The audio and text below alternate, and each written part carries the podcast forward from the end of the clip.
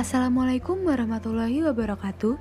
Perkenalkan nama saya Silva Meiza, NIM 2008704.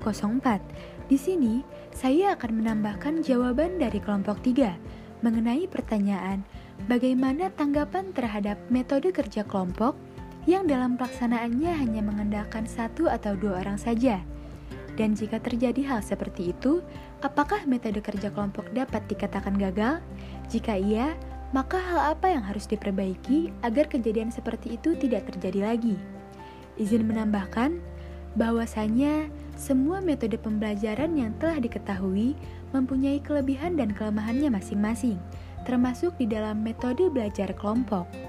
Dalam pelaksanaannya, bukan hal yang lumrah lagi bahwa dalam metode kerja kelompok banyak yang hanya mengandalkan satu atau dua orang saja di dalam pengerjaan tugas, di mana seharusnya tugas tersebut dikerjakan secara efektif dan bersama-sama, tetapi malah dibebankan kepada beberapa individu saja.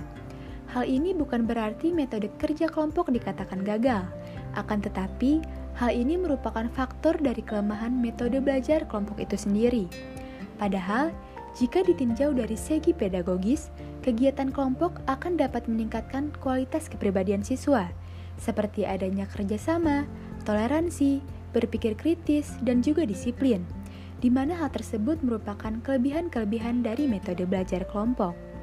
Untuk mengatasi hal terkait faktor kelemahan dari metode belajar kelompok, ada beberapa poin yang efektif dan efisien untuk menciptakan suasana belajar kelompok yang kondusif, seperti di antaranya membuat kesepakatan dan konsekuensi secara bersama.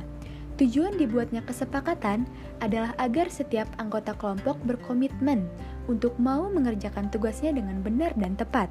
Selain kesepakatan, perlu juga dibuat konsekuensi jika ada salah satu anggota yang tidak mau mengikuti persetujuan bersama. Dengan demikian, semua akan berkontribusi dalam pengerjaan tugas kelompok. Lalu yang kedua ada berdiskusi secara intensif.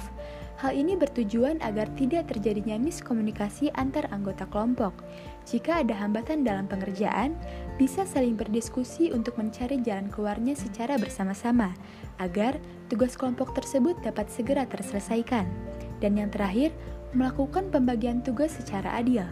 Dengan melakukan hal ini, tidak ada lagi yang hanya mengandalkan beberapa orang untuk mengerjakan tugas kelompok. Hal ini juga dapat membuat tugas kelompok menjadi lebih cepat selesai. Demikian tambahan dari saya. Wassalamualaikum warahmatullahi wabarakatuh.